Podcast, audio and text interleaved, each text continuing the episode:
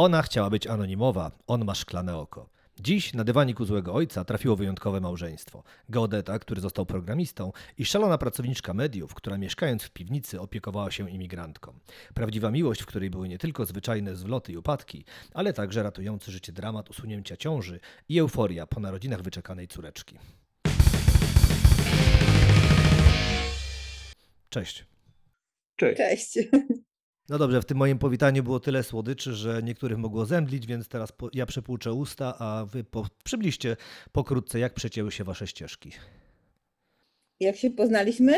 Tak, tak, tak.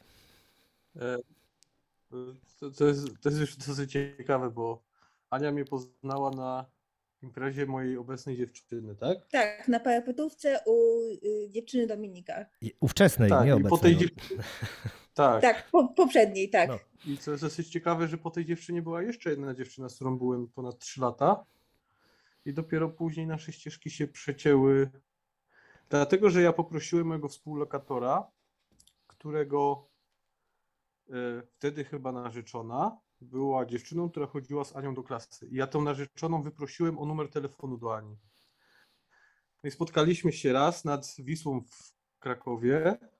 E, Bardzo dużo alkoholu przy tym wypiliśmy i na drugi raz, jak mieliśmy się spotkać, Ania się ze mną miała spotkać i powiedzieć mi, żebyśmy się już nie spotykali. No i tak jest po dzień. Bo Czyli- Dominik mnie wtedy zapytał, y, czy ja chcę kolę. I ja powiedziałam, że tak, a on wszedł do żabki, kupił kolę i pół litra i to wymieszał. Myślał, że pytając mnie o kolę, pyta mnie o to, czy chcę y, kolę pół na pół z wódką. wymieszaną. To było dla mnie dosyć normalne i zrobiłem turbo kolej i zaprosiłem ją nad Wisłę, więc tak to się zaczęło, no. A czemu Kraków? Bo to też nie jest obecne wasze miejsce zamieszkania. Tak, no bo ja akurat wtedy, Ania przyjechała do Krakowa, nie wiem właśnie dlaczego ty przyjechałeś do Krakowa, ja w Krakowie wtedy na co dzień mieszkałem i studiowałem, więc po prostu to był mój, że byłem na końcu studiów, to jakoś tak było, no to była moja końcówka studiów. Ania przyjechała chyba na jakiś wyjazd po prostu zaplanowany. Tak, tak, ja coś tam miałam jakąś chyba wystawę i, i przyjechałam, no ale w, du, pierwszą randkę mieliśmy w Krakowie, drugą w Katowicach, a trzecią w Wałbrzychu. Nie, nie w Wałbrzychu, w, Gorzowie. Gorzo- w Gorzowie Wielkopolskim. Gorzowie Wielkopolskim. Kurczę, to niezły rozstrzał. To Czemu tak was rzucało po Polsce? No tak jeździliśmy, to y, Że Ania w ogóle wtedy chyba na co dzień była w Kędzierzynie albo w Opolu. Ja Kraków, y, akurat do tego, do Gorzowa jechaliśmy na wieczór panieńsko-kawalerski, bo Ania była zaproszona właśnie do tej znajomej, a ja do tego znajomego. No to właśnie akurat tak to było, no oni byli Mhm. narzeczeństwem i ten... no, ca, cały, cały nasz związek byliśmy w rozjazdach właściwie. No tak, no to w rozjazdach głównie pewnie jeździliście pociągami. Wiem, że to może się wydawać takie nie za mądre pytanie, ale zmierzam do tego, że gdy poznałem Dominika, to był on fascynatem kolei. Więc tak, czy faktycznie te pociągi miały jakiś wpływ na was?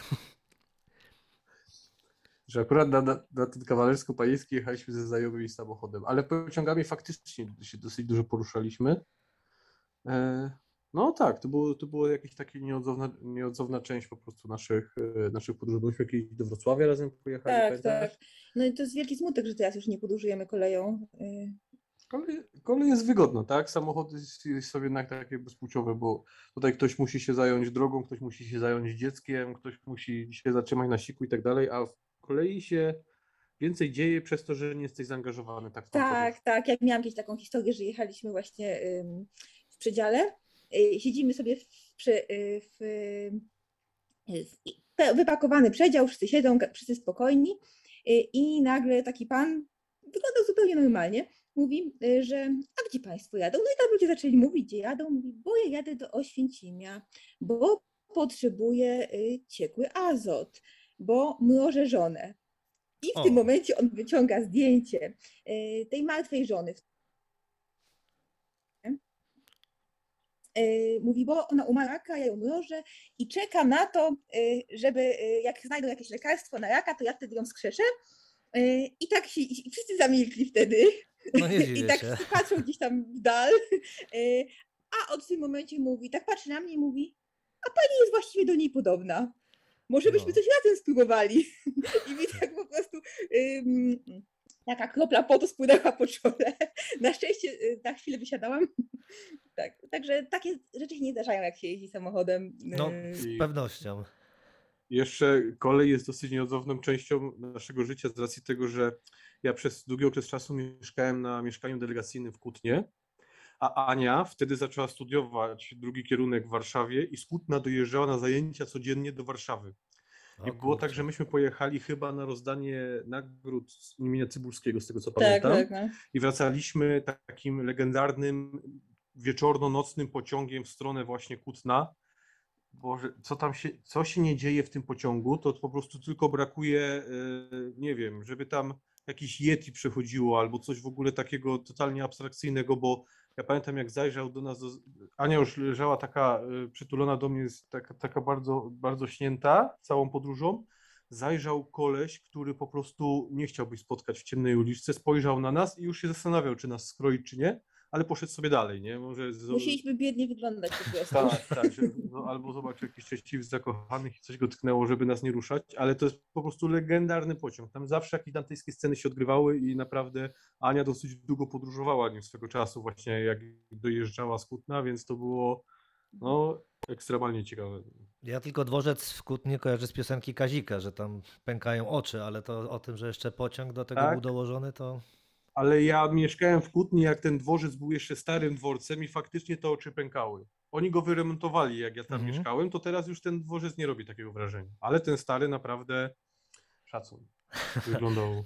Dobrze, a z tą koleją to tak pytam, bo pamiętam jak Cię poznawałem, byłeś właśnie nie dość, że fascynatem e, kolei, bo pracowałeś pamiętam jako geodeta, ale tę fascynację koleją widziałem, e, bo oglądałeś z moim starszym pszczelarzem Tomka i przyjaciół. Byłeś jedyną osobą, która potrafiła faktycznie wysiedzieć. Widziałem tę fascynację, no mówię, zajmowałeś się geodezją, no i, no i nagle się przebranżowiłeś. Możesz powiedzieć, jak do tego doszło? Dlaczego? Tomek jest, Tomek jest ciekawy z racji tego, że tam zobaczysz zwrotnice, obrotnice, przejazdy, rozjazdy i wszystkie kolejowe tematy, które, które e, później zobaczysz w terenie jako geodeta kolejowy. No i faktycznie ja pracowałem ze specjalizacją geodezji kolejowej przez kilka lat, ale w pewnym momencie, w, no, nawet ostatnio, na, nawet u mnie w firmie ostatnio mnie pytali, dlaczego się przebranżowiłem, robili taki krótki wywiad ze mną, e, bo mamy, okazuje się, że kilka osób. Co ciekawe, u nas na firmę, która ma coś w okolicach 200 osób, jest trzech geodetów, którzy się przebranżowili i wylądowali w IT. No I właśnie geodezja ma dwa problemy. Pierwszy bardzo się zepsuł finansowo.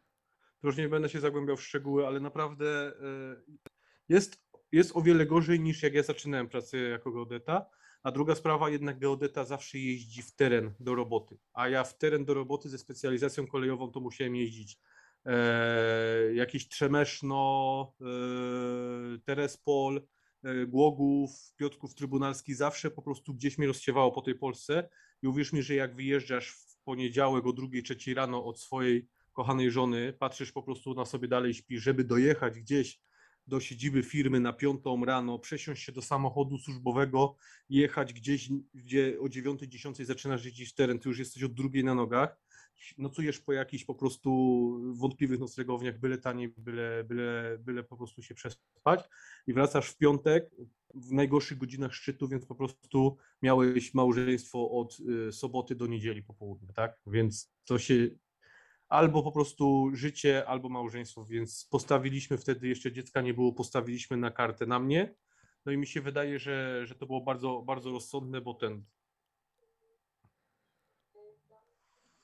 E, do, dobra, ja będę kontrolował, nie za sekundę. E, to było bardzo rozsądne na chwilę obecną, bo właśnie jeszcze wtedy nie było, nie, nie było dzieciaka. E, I to był ostatni dzwonek, żeby coś takiego zrobić, bo jednak jak się, jak, się, jak się mała pojawiła, to już teraz nie wyobrażam sobie, żeby można było się tak. Znam, mam znajomych, którzy się przebrażają, nawet mając dwójkę dzieci, ale ja to zrobiłem w odpowiednim momencie, bo wtedy e, naprawdę e, o wiele łatwiej było dostać tą pracę, o wiele, o wiele łatwiej było po prostu. Teraz, jak widzę, co się dzieje na rynku, jest trudniej, bo wiele osób po prostu idzie tą drogą. Ja szedłem tą drogą 5 lat temu, więc o tyle było ciekawiej, że, że po prostu no, udało się w miarę szybko tą pracę, za, pracę znaleźć i załatwić. Nie? Więc, znaczy może nie w miarę szybko, ale chodzi o to, że, że ten, że firma mnie wzięła jako, no, jako eksperyment, tak mi powiedzieli później, no ale który się sprawdził, nie? więc y, jestem zadowolony z tego. No i zapewne ci ciśnie pytanie na usta, czy bym wrócił do tego, co było sprzed pięciu lat? Oj nie, nie sądzę, bo też mnie o to pytali. Nie wróciłbym za żadne skarby, po prostu jest niebo a ziemia, to ja jestem na miejscu. Zawsze było moje, ja zawsze mówiłem do znajomych, że moim marzeniem jest pracować i mieszkać w obrębie jednego powiatu. No i to zrobiłem. Okej, ja na sekundkę... I jak jest na przykład, nie minus Mów, mów Aniu, dobrze, mów, mów, bo to ja za chwilkę wyjaśnię coś. Mówi Aniu, jasne? No, no i wyobraź sobie za każdym razem, jak jest, nie wiem, minus 30 y, albo deszcz intensywnie pada, Dominik patrzy za okno i sobie myśli, jak cudownie, że pracuje w domu. Tak, i to jest właśnie coś, co zawsze mnie bierze refleksja, bo ja sobie myślę o tych kumplach, którzy zostali w terenie. Nieważne, czy wali żabami, czy jest plus, plus 40, nie jesteś w stanie wytrzymać z gorąca, czy jest minus 30, po prostu zamarza wszystko, jak spluniesz. Oni i tak muszą tą swoją robotę robić, tak prędzej czy później. I Po- pamiętam, jak dochodziło do takich absurdalnych rzeczy, że śniegu napadało po pół metra, bo były jakieś anomalie i trzeba było od, odpowiednie punkty odkopywać wzdłuż tych y, torów kolejowych i pamiętam, jak chłopaki pokazywali zaspy półmetrowe, że próbują się dokopać do czegoś, co jest na gołej ziemi, więc no nie polecam. Oj, spa, Z- zabrzmiałeś- Słaby to było. Dziw, dziwny jest ten zawód.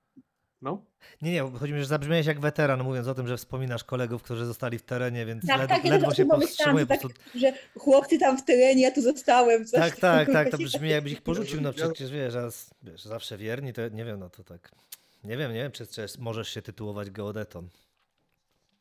Ale tak ogólnie rzecz biorąc, po prostu zauważam, że troszkę deprecjonujesz tak siebie, mam wrażenie, bo zapominasz o tym, jak, bo chciałem, żebyś powiedział, jak trudna jest taka zmiana, bo ty nie mówisz o tym, że to jest trud, że trzeba się było nauczyć, że, no wiesz, to nie jest tak, że każdy zostaje faktycznie, wiesz, informatykiem. No, ty musiałeś całkowicie wszystko zmienić. To nie jest tak, że tuż po pierwszej szkole poszedłeś się edukować y, jako dalsza rzecz, tylko to od nowa robiłeś. O to mi chodzi też. Zgadza się, tak. To nie jest, to nie jest proste i moim zdaniem też nie wszyscy się na to, na, na to nada, nadają, bo na początku zauważyłem, że duży problem miałem z tym, że informatycy są wręcz za przeproszeniem cholernie wielowątkowi. Muszą bardzo dużo dziwnych wątków mieć w głowie. Ja na przykład po tych 4-5 latach o wiele łatwiej mi jest do tego się odnieść, bo widzę ile już. Ja nie uważam się za jakiegoś super hiper informatyka. Ale, ale nadrabiam, y, nadrabiam często po prostu, nie wiem, jakiś takim e, intuicją, wrodzonym sprytem, y, umiejętnościami mię- miękkimi, co jest też bardzo ważne. I, I na przykład mnie zatrudnili przez to, że zauważyli, że mam świetną gadanę. I okazuje się, że w dzisiejszych czasach możesz mieć 100 informatyków, którzy będą ci te informatyczne rzeczy rozpieprzać od A do Z, ale jak na przykład oni mają powiedzieć dzień dobry albo napisać maila dwa, dwa zdania, to się wysypują nad tym. I właśnie potrzeba też ludzi, którzy potrafią tak między informatykami a biznesem, yy, trochę takiego tłumacza powiedzmy, między jednym a drugim światem, tak, bo to są dwa osobne światy po prostu. Biznes wymaga i przeważnie chce jakiegoś nowe Google, a informatycy na przykład znają y, niedoskonałość technologii, w której pracują, bo każda technologia ma swoje niedoskonałości i dobrze jest umieć to wytłumaczyć jednej i drugiej stronie, nie? Ale jeśli chodzi o samo przebranżowienie, bo wydaje mi się, że do tego jakby dążymy. yy, Dominik musiał rzucić pracę, przez pół roku siedział w domu, znaczy siedział w domu w sensie, że jeździł na ten bootcamp. No i tam był krew, pot i łzy, w sensie, że tam było ile osób w grupie? No, w grupie było y, na początku coś około 20 ponad osób, ale nam się grupa rozpadła po połowie, bo było za dużo, za szybko materiału. Ja później przeszedłem z trybu dziennego na tryb weekendowy i przez całe dwa tygodnie nadrabiałem powiedzmy materiał. I to jest tak, że jak idziesz od zera, to to jest za przeproszeniem orka w kale. Naprawdę, bo bardzo dużo rzeczy musisz ogarnąć w bardzo krótkim czasie. I ja na przykład po połowie bootcampu się wysypałem i dopiero wróciłem do niego, ale rozciągniętego po prostu na przestrzeni pół roku, a jeszcze przez kolejne dwa lata było jakiejś intensywnej nauki. Tak ja wracałem z pracy, się doszkalałem, czytałem książki, jakieś coś na YouTubie, ten, bo jak, jak się uprzesz, dużo bardzo rzeczy znajdziesz w necie, ale jak sam do tego nie dojdziesz, to choćby nie wiadomo co. No i z tych 20 osób finalnie jakby ileś tam odpadło. Potem jeszcze y, z tych ludzi, którzy tam, tej garstki, która skończyła ten kurs, dała radę, to tylko, to jeszcze część nie znalazła pracy, więc jakby finalnie tylko kilka osób y, przeszło tą drogę jakby całościowo. Tak, znam osoby, które skończyły ze mną ten kurs i braku im chyba takiej cierpliwości do szukania pracy, albo stwierdzili, że to faktycznie nie jest dla nich, no i wrócili do swoich starych y, jakby Zawodów. zawodów nie? No bo to nie Okej. było tak, że ludzie się przybranżawiali z jakichś takich mm, e, branż jakby, y, w sensie, że z takich nieatrakcyjnych zawodów. Wręcz przeciwnie, właśnie ludzie się przybranżawiali z takich zawodów y, całkiem dobrze płatnych i całkiem atrakcyjnych, ale jakoś tak y, popa- m, zapatrzyli się w ten mit, mit programisty i myśleli, że o, zrobię Mhm. sobie ten kursik, y, odhaczę i robił mnóstwo hajsu. I ci właśnie najszybciej sobie zęby wyłamywali. O, No to prawda. Dobrze, eksperymencie, który się powiódł. Następne pytanie będzie do Twojej wspaniałej małżonki, ale najpierw wytłumaczę coś, co powinien był powiedzieć na początku rozmowy, a mianowicie, jeśli czasami Was przerwało, bo tak pewnie ktoś, kto tej rozmowy słucha, zauważa, że raz na jakiś czas coś przerywa, to dlatego, że prowadzimy no, faktycznie tę rozmowę zdalnie i no, czasami są to problemy techniczne. Ale Ando, pytanie jest do Ciebie. Zawsze mnie to fascynowało, pewnie kiedyś Ci to zadałem już pytanie, ale jak to się stało, że zamieszkałaś w piwnicy? Już mówię, no mieszkaliśmy wtedy w Kutnie i ja z tego Kutna dojeżdżałam do Warszawy i to wyglądało tak, że e, dojeżdżałam 2,5 godziny w jedną stronę, e, w teorii, e, ale w praktyce wiadomo, połączenia kolejowo-polskie plus autobusy polskie plus wszystkie te rzeczy, spędzałam jakieś 6-6,5 godzin dziennie w samych dojazdach. No to sporo. I stałam się w pewnym momencie takim wrakiem człowieka. W sensie ja, ja już tego, ja tego nie widziałam, bo już byłam takim wrakiem, że nawet nie byłam w stanie zauważyć tego, jak w złym stanie jestem, e, ale byłam jakby cieniem siebie. E, Na te studia dojeżdżałam też właściwie trzy dni w tygodniu, więc stwierdziłam w pewnym momencie, że nie daję rady i na te trzy dni sobie szukam jakiegoś lokum. Tylko chciałam, żeby było tanie, bo to nie miało być moje faktyczne mieszkanie, tylko miejsce, gdzie sobie po prostu przekimam. No i szukałam, szukałam, ale wtedy był taki moment na rynku, zresztą w Warszawie zawsze jest taki moment na rynku, że nie da się znaleźć mieszkania. No tak. Yy, I znalazłam jedyne tanie i takie, które nie poszło w ciągu pół godziny, to właśnie był mm, niby pokój w domu jednorodzinnym. Okazało się, że to jest pokój po prostu w piwnicy. Miałam właśnie takie centralnie okienko piwniczne, yy, które miało piękny widok na ślusarnię. I cały czas się coś działo, było bardzo głośno. No i okazało się, że nie tylko ja mieszkam w tej piwnicy, bo tam też mieszkała właśnie y, jeszcze dwie dziewczyny. Y, No i to w- bardzo ciekawy to był epizod. Y, To w ogóle był taki, mm, to była piwnica w Łomiankach, więc tam ostatni autobus o 21.30 y, dojeżdżał, więc jak nie zdążyłam na 21.30, y, to y, musiałam się posiłkować jakimiś innymi formami dojazdu tam. No, domyślam się. Da. Ale pe- pewnie dążysz do tej opowieści, którą y, zdradziłeś już wstępie, y, o tych dwóch dziewczynach, które tam mieszkały. Tak, bo to było y, fascynujące, bo kojarzę tę historię i ja po prostu kiedyś pozwoliłem sobie ją opowiedzieć znajomym i byli nią zachwyceni, a wiem, że z pewnością no, nie zawarłem wszystkich tych szczegółów, jak doprowadziłeś do tego, że te dwie kobiety nawiązały porozumienie i przełamały barierę językową, choć no, potrafię sobie zwizualizować, ale powiedz to, jak to Ale było? one miały ze sobą porozumienie, w sensie jak ja się tam wprowadziłam, to te dwie dziewczyny, które tam mieszkały, jedna była z y, Bangladeszu i uciekła y, przed aranżowanym małżeństwem ze swoim 52-letnim wujkiem. O, Nie wiem dlaczego uciekła do Polski. Nigdy mi tego nie powiedziała. E, Ale właśnie i znalazła się w tej piwnicy y, w Łomiankach i mieszkała przez y, ponad rok już z drugą dziewczyną, która była z pod Białego Stoku, z takiej małej wi- wioski i przeprowadziła się do Warszawy, żeby znaleźć pracę. I ona pracowała w sklepie z butami. No najciekawsze było to, że one przez rok mieszkały razem w jednym pokoju y, i nie potrafiły się w żaden sposób skomunikować, bo ta, ta z Białego Stoku nie mówiła po angielsku, więc one żyły sobie wspólnie, kompletnie się nie komunikując. Y, I niesamowite. to jest. co y, mnie najbardziej tak wzruszyło, że jak ja tam przyszłam, one się mnie zapytały, czy, y, czy ty mówisz po angielsku? Ja mówię, że tak. I one były super szczęśliwe. To usiadłyśmy w kuchni i one wszystkie te rzeczy, które przez rok im się nagromadziły, to Mhm. zaczęły y, prosić, żebym przetłumaczyła. No i ja byłam przekonana, że powiedzą takie rzeczy współlokatorskie typu dlaczego nie zmywasz w kuchni, albo y, ty syfiaro, albo przestań chrapać, ale właśnie nie. One y, mówiły takie bardzo urocze rzeczy typu y, tam jedna mówiła, że uważam za dużo pieniędzy dajesz swojej rodzinie, że powinnaś bardziej dbać o siebie. Takie mm, Kurczę. to były takie było, że one nawiązały taką relację, że bardzo się o siebie troszczą. Mhm. I y, to było takie y, fajne, bo ja zawsze mam takie raczej doświadczenia, że jak się z kimś mieszka, to się go y, coraz bardziej nienawidzi z No, czasem, y, bo wkracza ci jakby w taką twoją codzienność i, i gdzieś tam koliduje z twoimi przyzwyczajeniami, a tutaj było zupełnie inaczej. I one się faktycznie bardzo lubiły i uwielbiałam na przykład przechodzić obok ich pokoju i widziałam na przykład, że ta jedna puszczała sobie jakąś tam muzykę taką ala bollywoodzką i sobie na przykład tańczyły O, i, i, i miały taką właśnie fajną relację y, zupełnie, y, która nie opierała się na języku. no pięknie. No ale zakładam, że ucieszyły się, że wyjaśniłaś pewne kwestie, których no, nie potrafiły sobie że nie, tak ręcznie przekazać. Tak, tak. I potem właśnie przychodziły do mnie, żebym się jakieś tam rzeczy im poprzekazywała w jedną i w drugą stronę. Ale co ciekawsze, to miałam wrażenie, że y, ta z Bangladeszu była dużo mniej zaskoczona Warszawą i kulturą i wszystkim niż ta z Białego Stoku, znaczy spod Białego Stoku.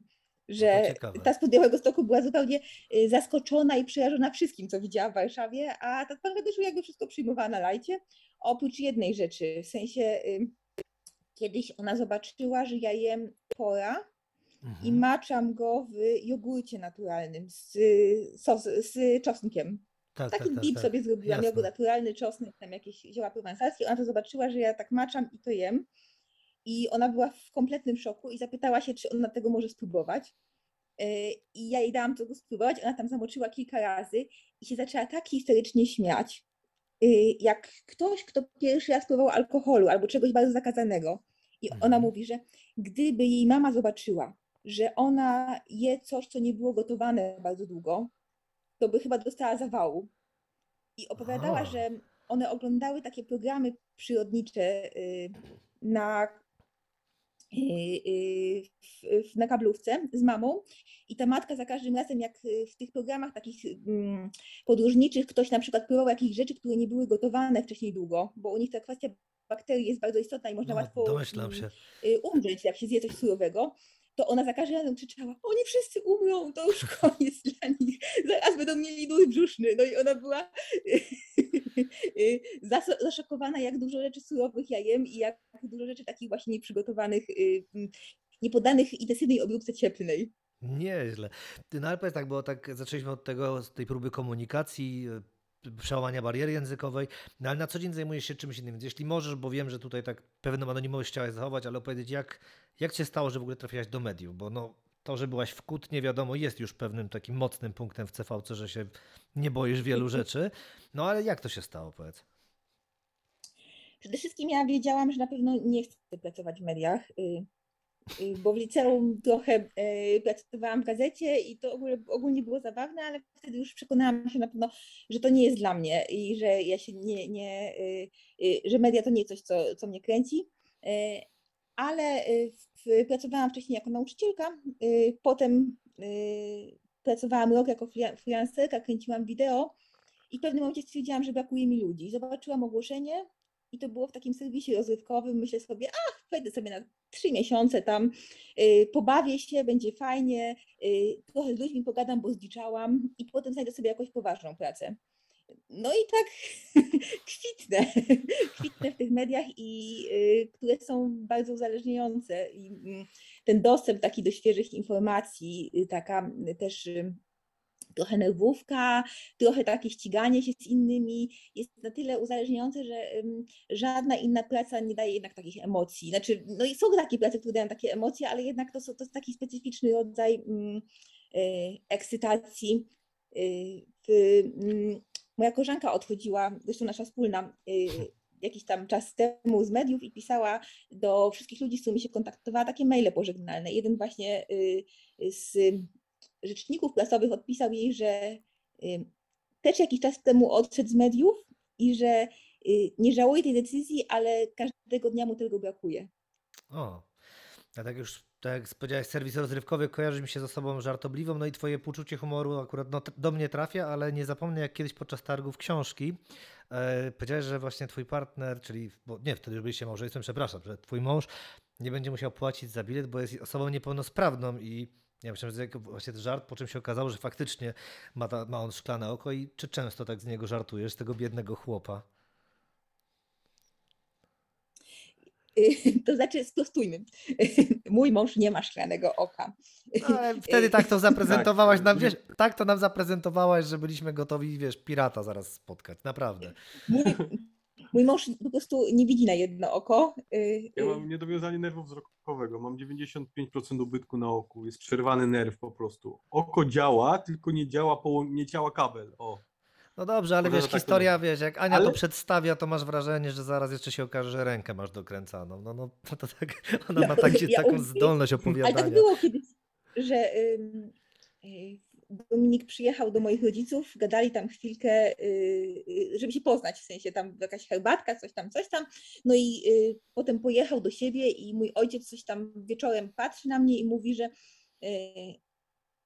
on tam czegoś nie miał, prawda? Ręki, nogi, nie pamiętam, ale fajny jest. No właśnie, no to właśnie, no powiem Ci, że tak samo nam, nam to przedstawiać, ale do Dominiku, bo ja wiem, że Ty masz wielkie serce i tę, tę Anię kochasz, więc pewnie nie przykładasz tak wielkiej wagi do tych jej widzów, no ale sam nawet czasami żartujesz, że masz zęby dziecka, no i tutaj temat, który jako niedoszły stomatolog zawsze muszę poruszyć, jak to jest żyć z mleczakiem. E, e, znaczy tak, to też jest dosyć ciekawa sprawa, bo e, ja do 32 czy tam 4 roku życia miałem faktycznie dwa mleczaki, bo mi nigdy się nie wykształciły prawdziwe zęby pod nich i one sobie zostały. Tylko o, co dziwne, jak mi się dziecko urodziło, to pierwszy mleczak zaczął się bardzo mocno ruszać w takim stopniu, że musiałem jednak się go pozbyć.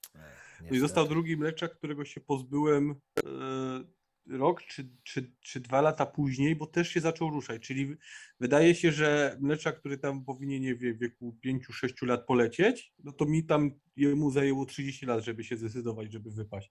I fak, faktem zostawiłem sobie go na pamiątkę, bo to było dosyć ciekawe, że e, dentysta po raz pierwszy praktycznie usunął mi tego mleczaka e, bez, bo mi zabrakło za przeproszeniem jaj, żeby go sobie wyrwać, tak? On już się tak ruszał, że masakra.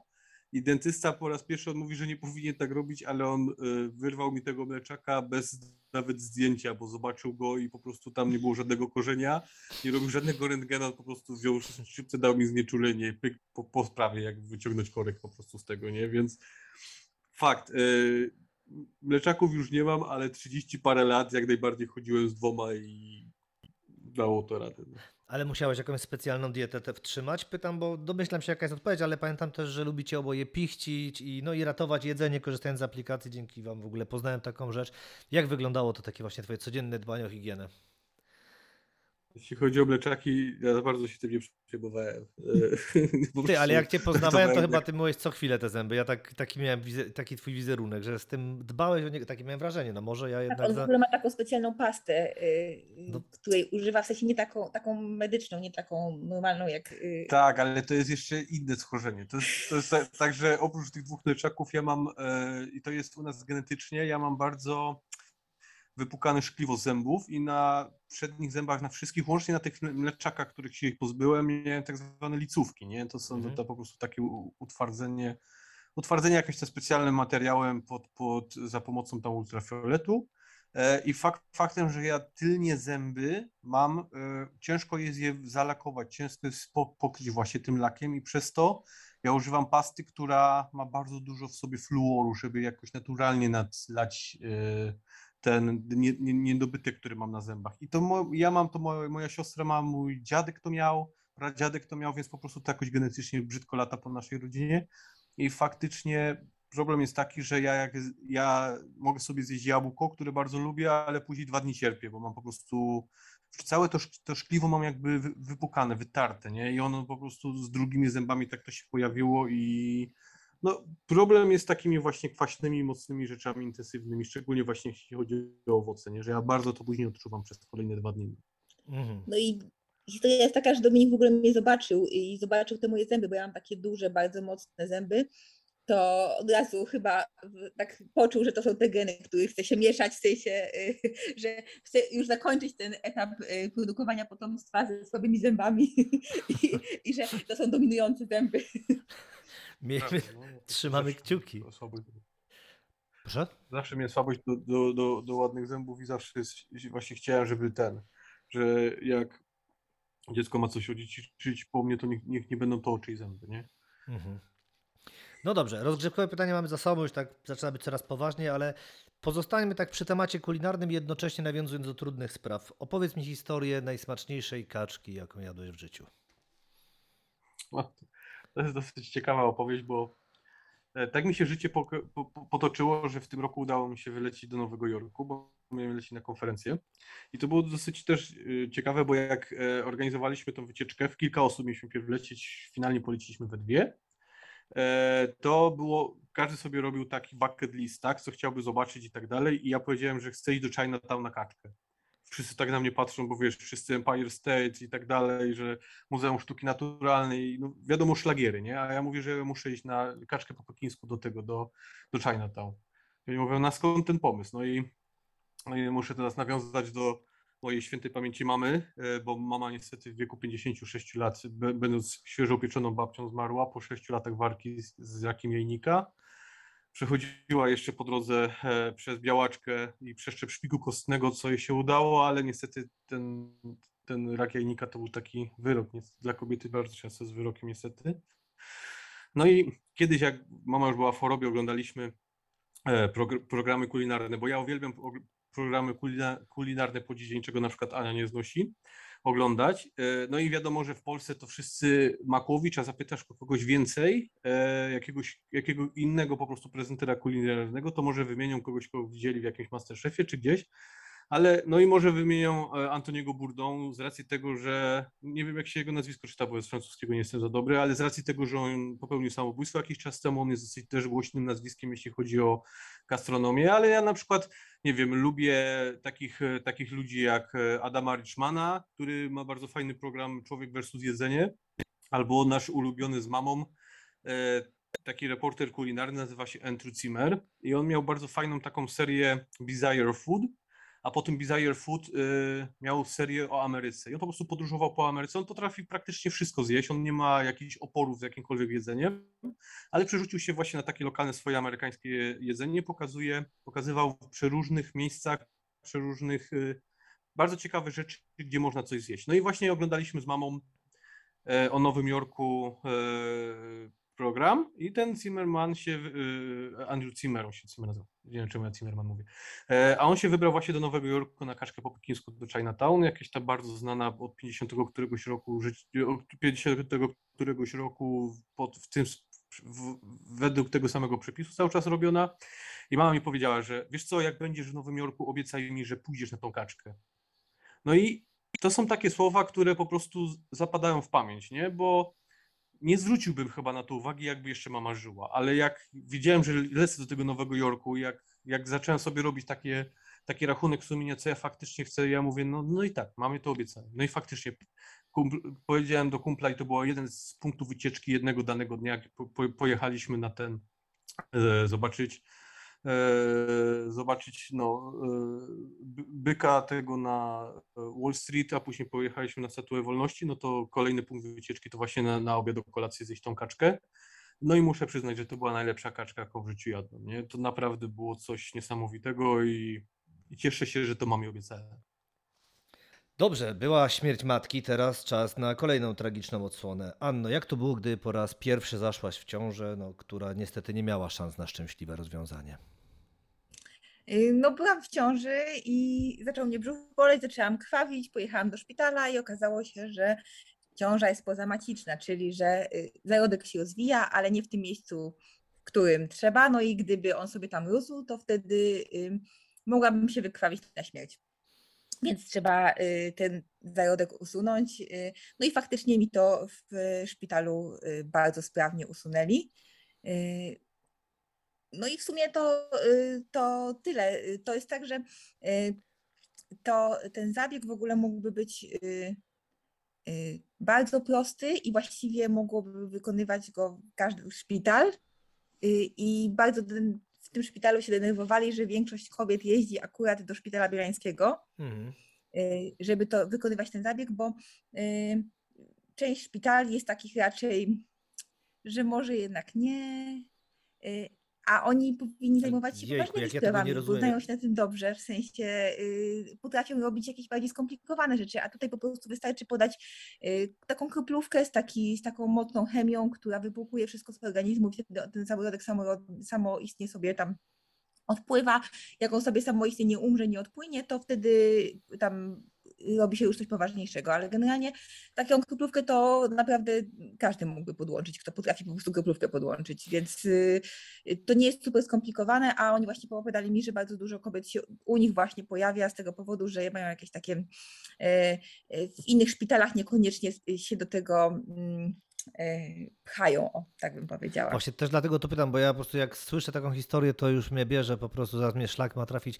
Jak można nie chcieć przeprowadzić u kogoś tego zabiegu, skoro to jest zagrożenie życia? Bo wiesz, wiesz o co mi chodzi? To jest tak, że jakby ktoś przyszedł, nie wiem, pchnięty nożem, to, to mówisz mu, wbijasz mu go w oko i mówisz, że okulista jest piętro wyżej, bo my akurat się tym nie zajmujemy. Wiesz, chodzi mi o tą irracjonalność i jak w ogóle to wyglądało? Czy próbowaliście wcześniej do innego szpitala jechać, czy no od razu Bielański? Ja mieszkałam obok Bielańskiego, więc akurat dla mnie to nie była y, jakaś y, y, wielka filozofia, ale potem na miejscu, bo tam na tym oddziale było zaskakująco dużo kobiet, które miały to samo co ja, więc wtedy właśnie lekarz nam mówił, że czemu tu wszystkie przyjeżdżacie? ja chcę robić coś poważnego. Ale ja pamiętam na przykład, jak było to zdarzenie, to yy, jakby się to wydarzyło kilka lat wcześniej, to wtedy poszłabyś pod nóż. Ja wiem, Mhm. że ta kro- kroplówka była dosyć nowatorskim Tak, tak. rozwiązaniem, bo jakby Ania poszła pod nóż, to, to zapewne by te, te, teraz dzieciaka nie było, bo wtedy mogłoby się to skończyć wycięciem albo Znaczy, no niekoniecznie, że nie byłoby, ale wielu kobietom w całej Polsce y, ten jajowód po prostu wycinają, wyrywają Mhm. i, i mają po prostu jeden jajowód wtedy, więc trudno ciąży, y, a wystarczy podłączyć tą kroplówkę. Oczywiście to jest tam, nie jest super przyjemne i potem przez tam kilka miesięcy następnie się źle czułam zwyczajnie, ale y, jest to mniej inwazyjna na pewno procedura niż tak, niż wyrwanie jajowodu.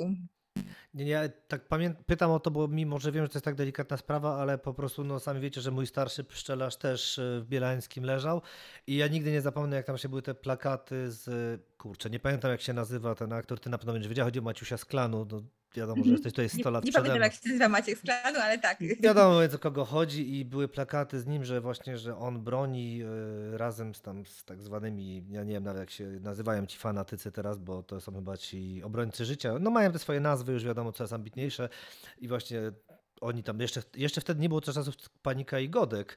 Jak to, oni tam mówili, że jejku, że tutaj się morduje dzieci, a właśnie tam cała ta sala dokładnie tak jak mówisz, kojarzę, była po prostu z kobietami, które miały ciążę pozamaciczną, ale no, ale warto, no chłopak, który ma pewny defekt dać, żeby stał tam i krzyczał. No po prostu jak ja, jak ja to widziałem, to no.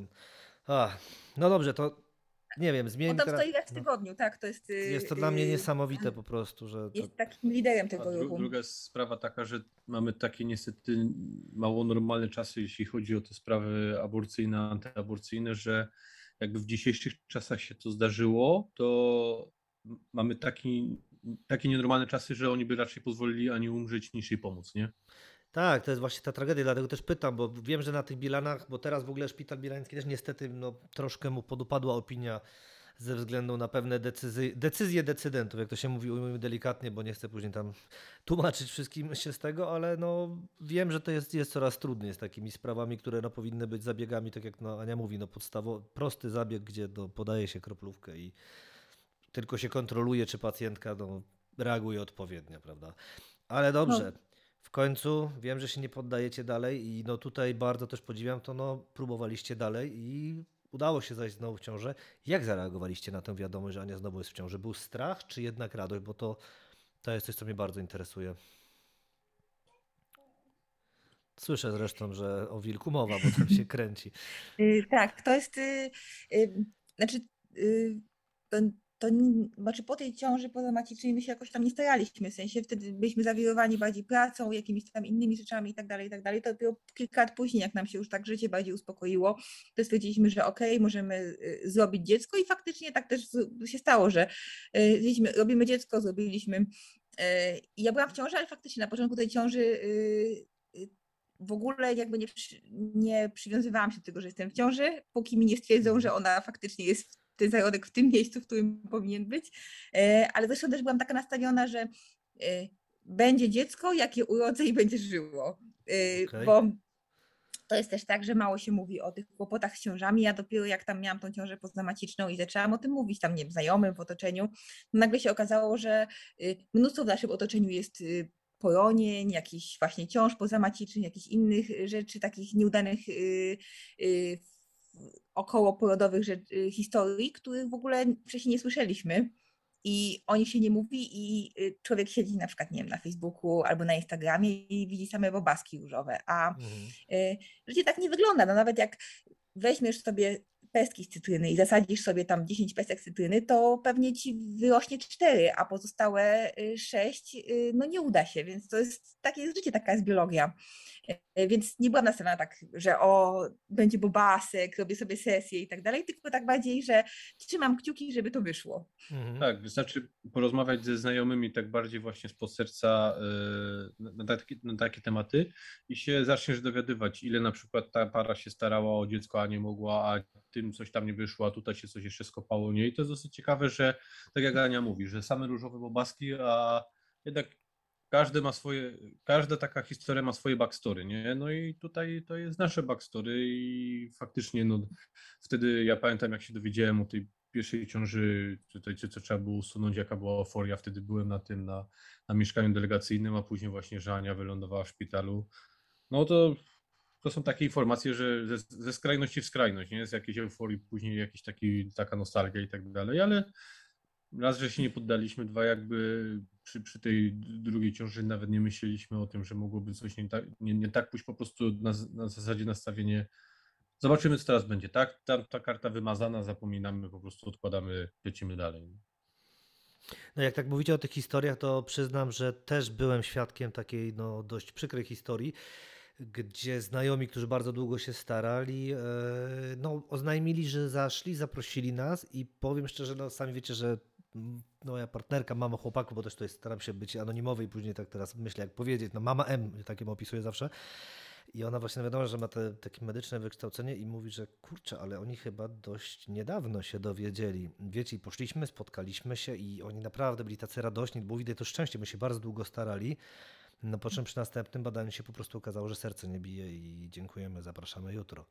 I, pa, I to był dla nich taki dramat, wiesz, oni dzielili się ze wszystkimi tą radością, dlatego też was wa- właściwie chciałem spytać, jak to u was wyglądało za tym drugim razem, bo to nie wyobrażam sobie, że to musiało być bardzo ciężkie. No, no ale przyszła w końcu na świat ta wasza mała księżniczka, która to sobie aż zapisałem, tytułuje z pszczelarza starszego pieszczotliwym mianem mordercy. Pamiętam to jak gdzieś. e, Powiedzcie mi, jak to wyglądało, czy da się w ogóle opisać tę radość? No ja pamiętam swoją radość z chłopaków, ale no tutaj myślę, że no jak zeszło z was to ciśnienie, opiszcie jak to już wtedy wyglądało. Znaczy, ja bym tego nie określiła jakoś taka wielka radość, w sensie mieliśmy Okej. kiedyś taki w pracy wywiad z ginekologiem i mm, ten ginekolog y, y, powiedział, że dla kobiecego organizmu poród i ciąża jest jak potrącenie przez samochód.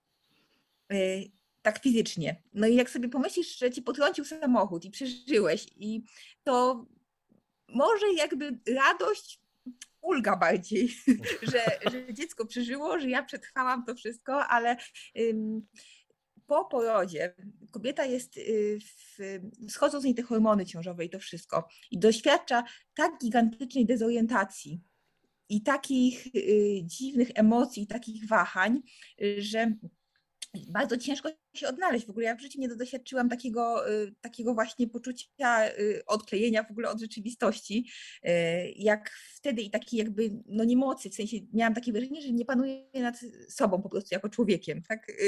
Bo tych, te huśtawki emocji są bardzo duże, więc to jest taka, czułam taką bardziej ulgę i taką potrze- po, poczucie, że co muszę z tym dzieckiem konkretnie robić i jak się nim zająć, żeby ono dalej przeżyło, bo udało się doprowadzić do tego, że wyszło ze mnie, że żyje i y, skupiałam się tylko mm, na maksa na tym, żeby ono dalej żyło i żeby utrzymać je przy życiu, E, a taka radość z tego, że się dziecko posiada, to mam wrażenie, że ona dopiero teraz przyszła, taka, taka Mhm. serio, że ja z tym dzieckiem rozmawiam, że ono jest ze mną, że tak y, że jesteśmy rodzicami i możemy wspólnie jakieś rzeczy przeżywać.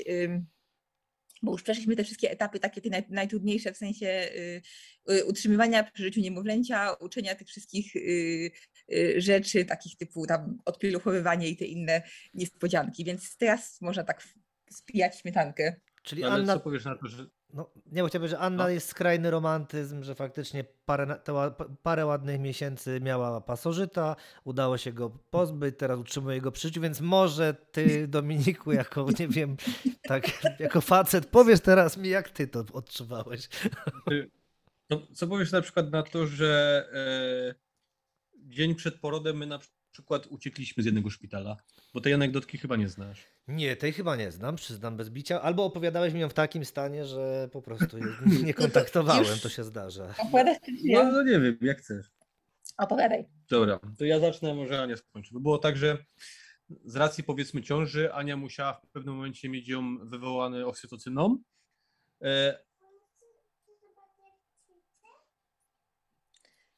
Ta, tak, za, Za chwilkę. Za Idź chwilkę. oglądać, a my za chwilę Zaraz. przyjdziemy.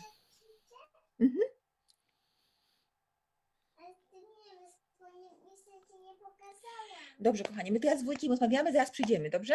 Włącz sobie tam jeszcze, dobrze? I zaraz przyjdziemy do ciebie. Dobra, to tak postaram się najszybciej jak się da. Ania miała mieć wywoływany oksytocyną ten, y, ten poród i w dniu, w którym miała iść do szpitala, okazało się, że znaczy już wiedzieliśmy to od dłuższego czasu, ale był taki problem, że szpital, który wybraliśmy, y, miał ogromny remont i tam jakieś dantejskie sceny się odbywały, dziewczyny na kocach rodziły na środku korytarza i nie wiadomo co jeszcze. I było tak, że dzwonili wokół do wszystkich szpitali w Warszawie, ale okazało się, że jakieś szpitale albo nie odbierały telefonu, albo coś, albo było przeludnienie i wybrali wtedy szpital, gdzie w Wołominie to było? Czy gdzieś? Tak, tak, to był szpital w Wołominie i z, y, on jako jedyny odpowiedział, że okej, mogą przyjeżdżać i tam przyjmiemy ten poród. Y, więc tam była na, na, tym, na tej recepcji z nami w tym szpitalu jeszcze jedna dziewczyna, którą też skierowali do Wołomina, więc pojechaliśmy w dwie pary, bo tam już trochę czasu już się zaprzyjaźniliśmy i pojechaliśmy do tego szpitala do y, Wołomina. Wchodzimy na ten korytarz w tym Wołominie. Tam wyglądało oczywiście strasznie, w sensie taki jak mm, Horror klasy B, tak? tak, tak jak w takim y, prosektorium dla 90. No i tamta dziewczyna wpadła w panikę taką i zaczęła płakać, jak zobaczyła, jak tam wygląda. Y, I ja byłam taka jeszcze w miarę spokojna. I, ale zobaczyliśmy te pielęgniarki, jak się tam zachowują ci ludzie y, i tak z każdą sekundą nabierałam takiego przekonania, że nie chcę tam zostać, że to nie jest dobre miejsce. y, I pewnym momencie ona weszła do mm, gabinetu y, lekarza jako pierwsza. I wtedy ja się odwróciłam do mojego męża i mówię: Uciekamy. Tak, i Ania zrobiła coś, co potrafi najlepiej, totalnie angielskie wyjście, bo ten lekarz cały czas czekał na nas, że nas przyjmie, a nas nie było, nie? I co zrobiliśmy? Pojechaliśmy do wtedy z jednej z naszych ulubionych knajp po restauracji, zjeść sobie porządny obiad, I Słusznie. dopiero wtedy się dowi- wyczytaliśmy, który jest szpital dobry. Zaleciliśmy Orłowskiego, mówimy, dobra, ogień idziemy do Orłowskiego, nie? I jedziemy do tego szpitala. I to była aż 5 godzina 16. I, y, I tam już w ogóle za bardzo nie było godzin przyjęć i tak dalej, i tak dalej. Myśmy tam po prostu wyszli z buta. Jedna I- dziewczyna miała robione KTG. Aha, i jeszcze tylko powiem, że ja miałam wypisane w tym wypisie z tamtego szpitala właściwego, w którym Mhm. miałam rodzić, miałam napisane, że mam rodzić w tym Wołominie. Skierowanie jakby do porodu Wołominie, coś Mhm. takiego napisali. No i jak wytłumaczyć tym Orłowskim, że ja wam tu, że uciekłam z Wołomina, bo mi się tam nie podobało. No Mhm. nie przyjęliby mnie. Więc wchodzę do tego gabinetu, tam tłumaczę, że Nie, nie, czekaj, bo jeszcze było tak, że myśmy siedzieli 40-50 minut na korytarzu, bo jakieś dziewczyny robili KTG, ja nie chciałem tam wbijać, bo jakaś dziewczyna w ciąży w środku jest. Ja już taki po prostu zestresowany, ja, ja potrafię w takich stresowych sytuacjach być dosyć przekonywujący i wszedłem tam do tego i powiedziałem takim dosyć stanowczym tonem paniom, ale oczywiście grzecznie, nie? Czy byłyby panie na tyle uprzejme przyjąć moją żonę, bo po prostu już jesteśmy kilka dni po porodzie, a ten... I Ania właśnie w- weszła po tej dziewczynie i teraz ty, Aniu, No i panie tam, ja całą sytuację wytłumaczyłam, że tu na tym szpitalu mieliśmy rodzić, coś tam, coś tam, a one mówią tak do mnie, a gdzie jest wypis? A ja tak, tak zrobiłam taką smutną minkę i mówię, że, że nie, nie dali mi tego a wypisu. wypis w torbie. A wypis to robię. A panie mówią, typowa Karowa, oni nigdy nie dają wypisów. Przyjęli mnie. Z marsza z ulicy po prostu, nie? I to było naprawdę, i to był bardzo, Bardzo fajny szpital. bardzo dobry szpital i dosyć, dosyć ciekawe było to, że jak się faktycznie mała urodziła, no to coś było na tyle nie tak, że nie zostawili ma, małej z Anią, tylko powiedzieli, że ja będę kangurował, ka- kangurował ją, nie? I to było tak, że ona się urodziła w pół do, pół do 11. Ja pobiegłem gdzieś do jakiejś innej sali, a nie zostawili po, po prostu jeszcze na jakieś tam badanie na coś i ja po prostu tą małą kangurowałem zamiast matki, nie? Więc może to też było dosyć takie ciekawe, że ja skończyłem w tym szpitalu o godziny pierwszej w nocy, tam już wszyscy spali praktycznie, Ania jak pierwsza zaczęła poród, to skończyła ostatnia i ja tak się rozejrzałem, chodzę po tym szpitalu, po tych korytarzach po godzinie tak w pół do pierwszej w nocy, wszystko takie creepy wręcz, ale e, no, to był taki bardzo niesamowity, intensywny dzień. Nie? Ja wróciłem na, na mieszkanie, zrobiłem sobie drinka, rozesłałem zdjęcia małej wszystkim o godzinie tam w pół do drugiej w nocy i po prostu po trzecim łyku ze szklanką w ręce na łóżku usnąłem, nie? Po prostu wypompowany totalnie. No bo myśmy tego dnia zdążyli uciec ze szpitala jednego, zjeść, zjeść obiad, pojechać do kolejnego szpitala i tak dalej, także po prostu no A najlepsze było to, że y, jak jedliśmy tam obiad, y, to podeszła do nas kelnerka i mówi do nas, że tak patrzy na mój brzuch taki ogromny Mhm. i pyta się, no to kiedy termin porodu? A ja mówię, był dzisiaj, ale uciekliśmy ze szpitala. No. Ale y, Dominik był wtedy w domu jeszcze skończył, co ja robiłam wtedy, jak on pojechał, bo ja Mhm. zosta- oni mnie zawieźli na taką salę mm, pojedynczą, w sensie, y, bo nie mieli już mnie gdzie upchnąć, to upchnęli mnie w jakiejś takiej, nie wiem, sali, gdzie y, zupełnie mm, do czego, in, czegoś innego służącą. I ja tam leżałam i wpoili mi w, na szkole rodzenia, że dziecko musi się napić koniecznie tej siary takiej Tak, y, tak, z tak. y, tego pierwszego takiego mleka. A była taka zupełnie nieskora do takich rzeczy, więc ja tam leżałam, usiłowałam ją zmusić, żeby się tego napiła, żeby tam odhaczyła te, te wszystkie rzeczy, co supermatka musi zrobić. Oczywiście bardzo krwawiłam i z tego łóżka po prostu wszędzie ciekła krew na podłogę. I to wyglądało tak dosyć makabrycznie, bo ja byłam to. Wszędzie była ta krew. I o 4.30 rano do mojej sali wchodzi kto? Ksiądz. No rewelacja, rewelacja. A ja taka roznegliżowana ze wszystkich no, na wierzchu, patrzy na mnie, zupełnie niespeszony mówi, czy chciałaby przyjąć pani y, komunię świętą? I ja spojrzałam na niego i powiedziałam jedną rzecz, która mi przyszła do głowy wtedy. E, Nie wiem, czy to mamy popipkać. Wypierdalaj. A to tutaj jak ktoś dotrwa, to nagrodę ma.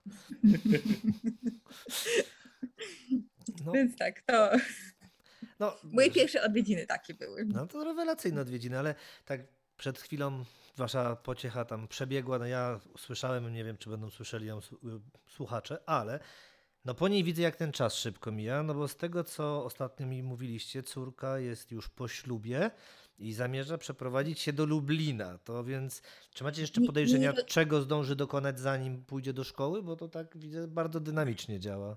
Nie, ona nie zamierza się, ona zamierza y, przeprowadzić swoich teściów do Lublina i A. prowadzić się do ich mieszkania w Warszawie.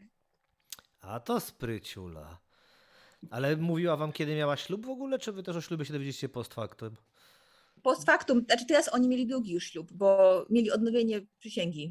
Nie, W tym roku. To, no to naprawdę jest coś. Dobrze, dobrze. To, to widzę, że geny takie faktycznie, te geny faktycznie ma po rodzicach, czyli tak po mamusi, która, jak pamiętam jedną z historii, potrafiła sobie zjednać pociąg Kiboli, Wisły i Śląska, bo to dobrze pamiętam, że to chyba oni wtedy jechali.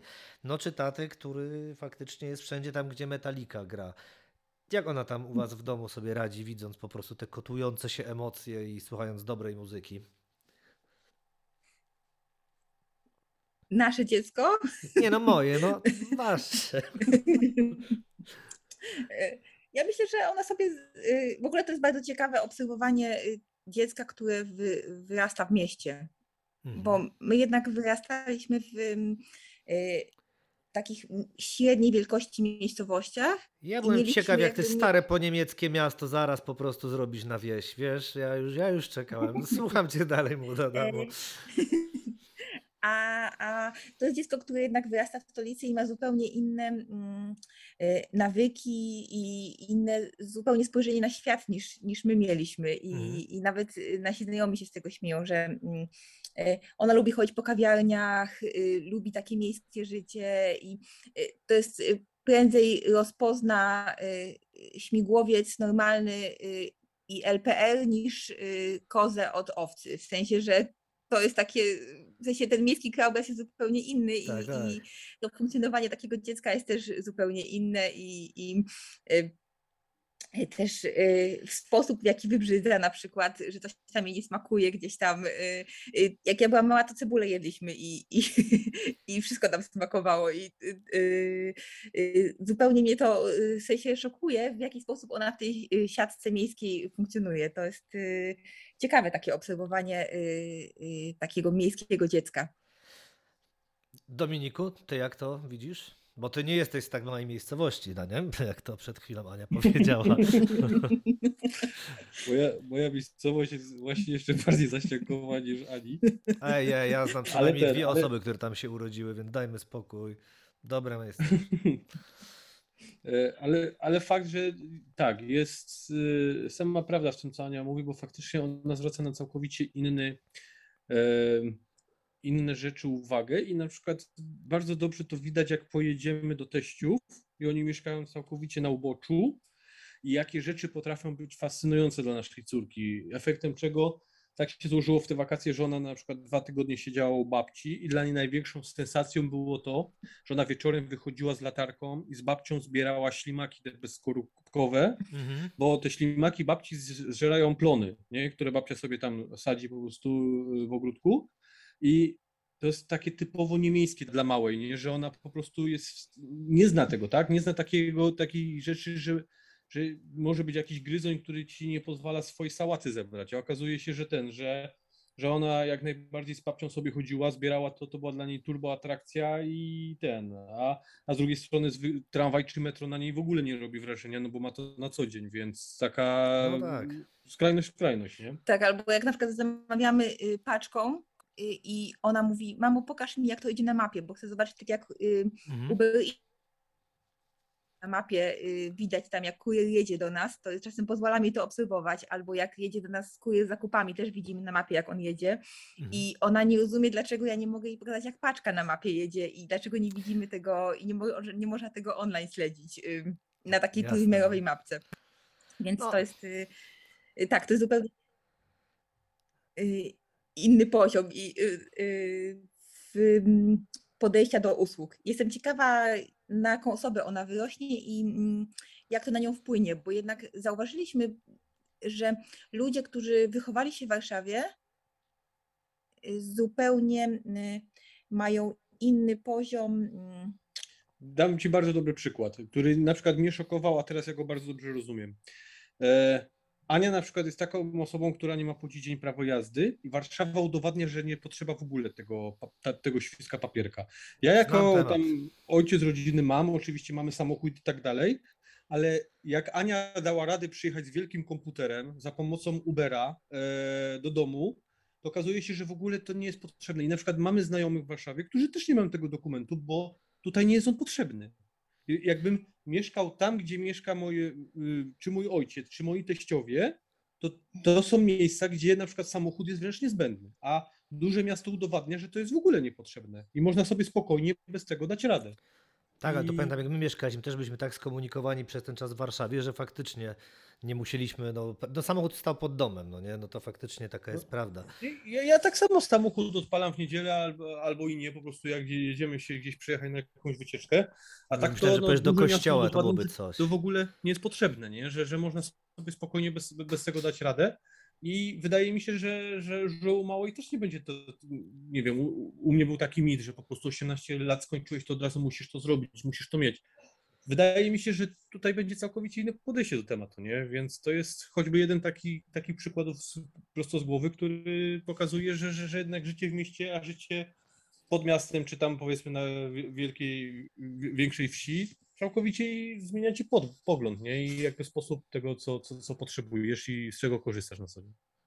Widzę, że już tak coraz częściej pojawia się wasza córa, więc zaraz będziemy musieli kończyć, więc jeszcze jedną, na jedną historię was naciągnę, bo Mhm. skoro już jesteśmy, skoro jesteśmy w audycji, podcast, chciałem waszą wspólną miłość do radia, bo pamiętam, że ona wpłynęła nawet na wasz ślub, była to, faj, była to ciekawa historia, więc tak poproszę was jeszcze na zakończenie, spróbujcie to przybliżyć. Opowiesz, kochanie? Choć pytanie, czy nazwę radia możemy wypowiedzieć. A możecie chyba, ja, a dobra, możecie, czy, ono, czy, wiesz to, no to Znaczy, Zmieniło się w nim wiele na pewno, ale Zmieniło się wiele, ale fakt faktem, że, że no, no bo mówimy o radiowej trójce, która naprawdę była ikoną przez kilkadziesiąt lat u nas w kraju. Ja intensywnie słuchałem tego radia tam od z lat 2000 mniej więcej, jak byłem na studiach. Eee, no nie, później 2005 powiedzmy, ale ten, ale ja bardzo, bardzo zakochałem się w tym, w tym radio i po prostu to jak ono było przedstawione i jak to wszystko tam grało, dużo osobistości, ja bardzo fajnie... Możesz, możesz. I ten, i e, no i tak, tak się złożyło, że, że po prostu wtedy, wtedy to było to radio z krwi i kości wciąż, tak? Po prostu jak myśmy brali, brali ślub i e, no co, stwierdziliśmy, że może, może fajnie by było e, taki pomysł wprowadzić w życie. No Aniu, kontynuuj. No i byliśmy, była taka y, sławna akcja y, trójki mm, Orzeł Morze. Bardzo zresztą krytykowana y, w różnych mediach i wszędzie. Y, W każdym razie był taki pochód fajny trójki. Chodziło o to, że trójka chciała wtedy bardzo, żeby przeżywać patriotyzm tak na, mm, y, na wesoło, w sensie taki ciepły sposób, jak to robią Amerykanie. Tak cieszyć się tym patriotyzmem, a nie tak jak Polacy to robią, czyli tak na smutno. No, ale w każdym razie jedną z elementów tych akcji, tam były tam różne atrakcje i y, rozdawali okulary takie trójkowe, y, różowe Mhm, y, mhm. wszystkim uczestnikom jakby tej akcji.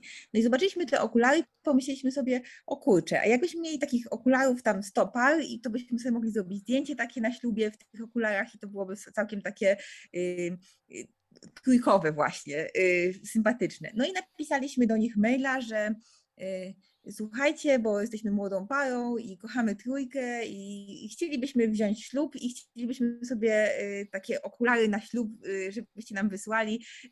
Wiemy, że to jest taka dziwna prośba i że ale może się uda. No i oni nam odpisali, że nie ma szans i że nie, nie.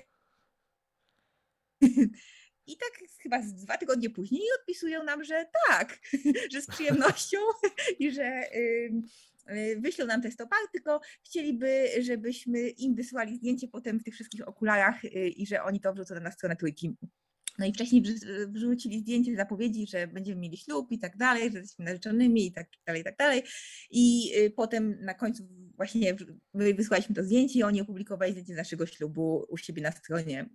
W sumie mogliśmy wtedy powiedzieć, bo to poszło oficjalną drogą, że naszym patronem medialnym była trójka, nie? Tak, nasz tak, naszego ślub- ślubu. Więc zresztą to było napisane chyba nawet na naszych zaproszeniach do ślubu, że patron medialny Radiowa Trójka Tak, tak. i myślę, dużo osób myślało, że to żart, ale faktycznie to był taki pół żart, pół serio, bardziej na serio, no bo zrobiliśmy to drogą oficjalną, no i dostaliśmy odpowiedź. I tak jak Ania mówiła, że na początku oni nie powiedzieli nie, tylko że oni mogą nam wysłać tego, nie wiem, ze dwa tuziny, z 25 sztuk, coś, coś takiego, Że- nie? Znaczy, tak, że na początku jakby oni taką rezerwą, ale potem to poszło jakoś tam szerzej i przemyśleli to i faktycznie że nam komuś te... się ten pomysł bardzo spodobał i powiedzieli, że ten, że, tylko żeby faktycznie, że, że to będzie wtedy u nich tam na, czy, czy już na socjalach, czy gdzieś tam będzie Tak, to tak. zamieszczone po prostu, że, że coś takiego się odbyło. No i, no i się odbyło i bardzo, bardzo nas to ucieszyło. Bardzo nas nie cieszy to, co się stało z tym radiem, ale w sumie stare robi miejsce nowego i powstały z tego dwa niezależne, Dwa fajne bardzo radia. fajne radia internetowe, których namiętnie słuchamy i No i też trochę tak było, że w trójce już bardzo dużo, y, znaczy trójka była trochę sk- skostniała w pewnym momencie, znaczy wszyscy, średnia wieku była bardzo wyrównana tam, raczej 60 plus. Mhm. E, I było tam kilka młodych nazwisk, ale jednak y, to brakowało tam tej świeżej krwi. I ten w sumie PiS trochę pomógł temu radiu, y, bo po pierwsze powstały dwie nowe stacje, a po drugie w tych dwóch nowych stacjach jest bardzo dużo świeżej krwi i jednak młodego na rybku, więc y, y, bardzo mm, wolny rynek odświeżył te stacje. Czyli tak sobie pozwolę na polityczny akcent, bo nie będziemy dziękować partii rządzącej za to, co zrobiła, ale z okazji tego zdarzenia, które niedawno miało miejsce, no, czyli śmierć Jerzego Urbana, to kiedyś rozmawiałem z nim, nasza pierwsza rozmowa bodajże i właśnie tak, wiadomo, wtedy prowadziłem pewien serwis i potrzebowaliśmy czegoś ciekawego, więc spytałem go, czy byłby kiedykolwiek w stanie e, wystartować w wyborach właśnie z listy PiS, więc on powiedział, że nie tylko nie byłby w stanie wystartować, ani zagłosować, ani nawet powiedzieć dobrego słowa o nich, no więc no nie musicie dziękować, ale ty już powiedziałeś o nich dobre słowo, więc jesteś, wiesz, już bliżej na pewno partii rządzącej niż był Jerzy Urban. No, nie będę was już męczył, bo słyszę coraz częściej waszą księżniczkę. Bardzo wam dziękuję za rozmowę. Wiem, że moglibyśmy jeszcze długo rozmawiać. Naprawdę Dziękuję Wam za to, że zgodziliście się na nią. Również bardzo No, dziękujemy, dziękujemy. że, że zostaliśmy wysłuchani, bo fajnie wszystko wypadło. Okej. To do usłyszenia.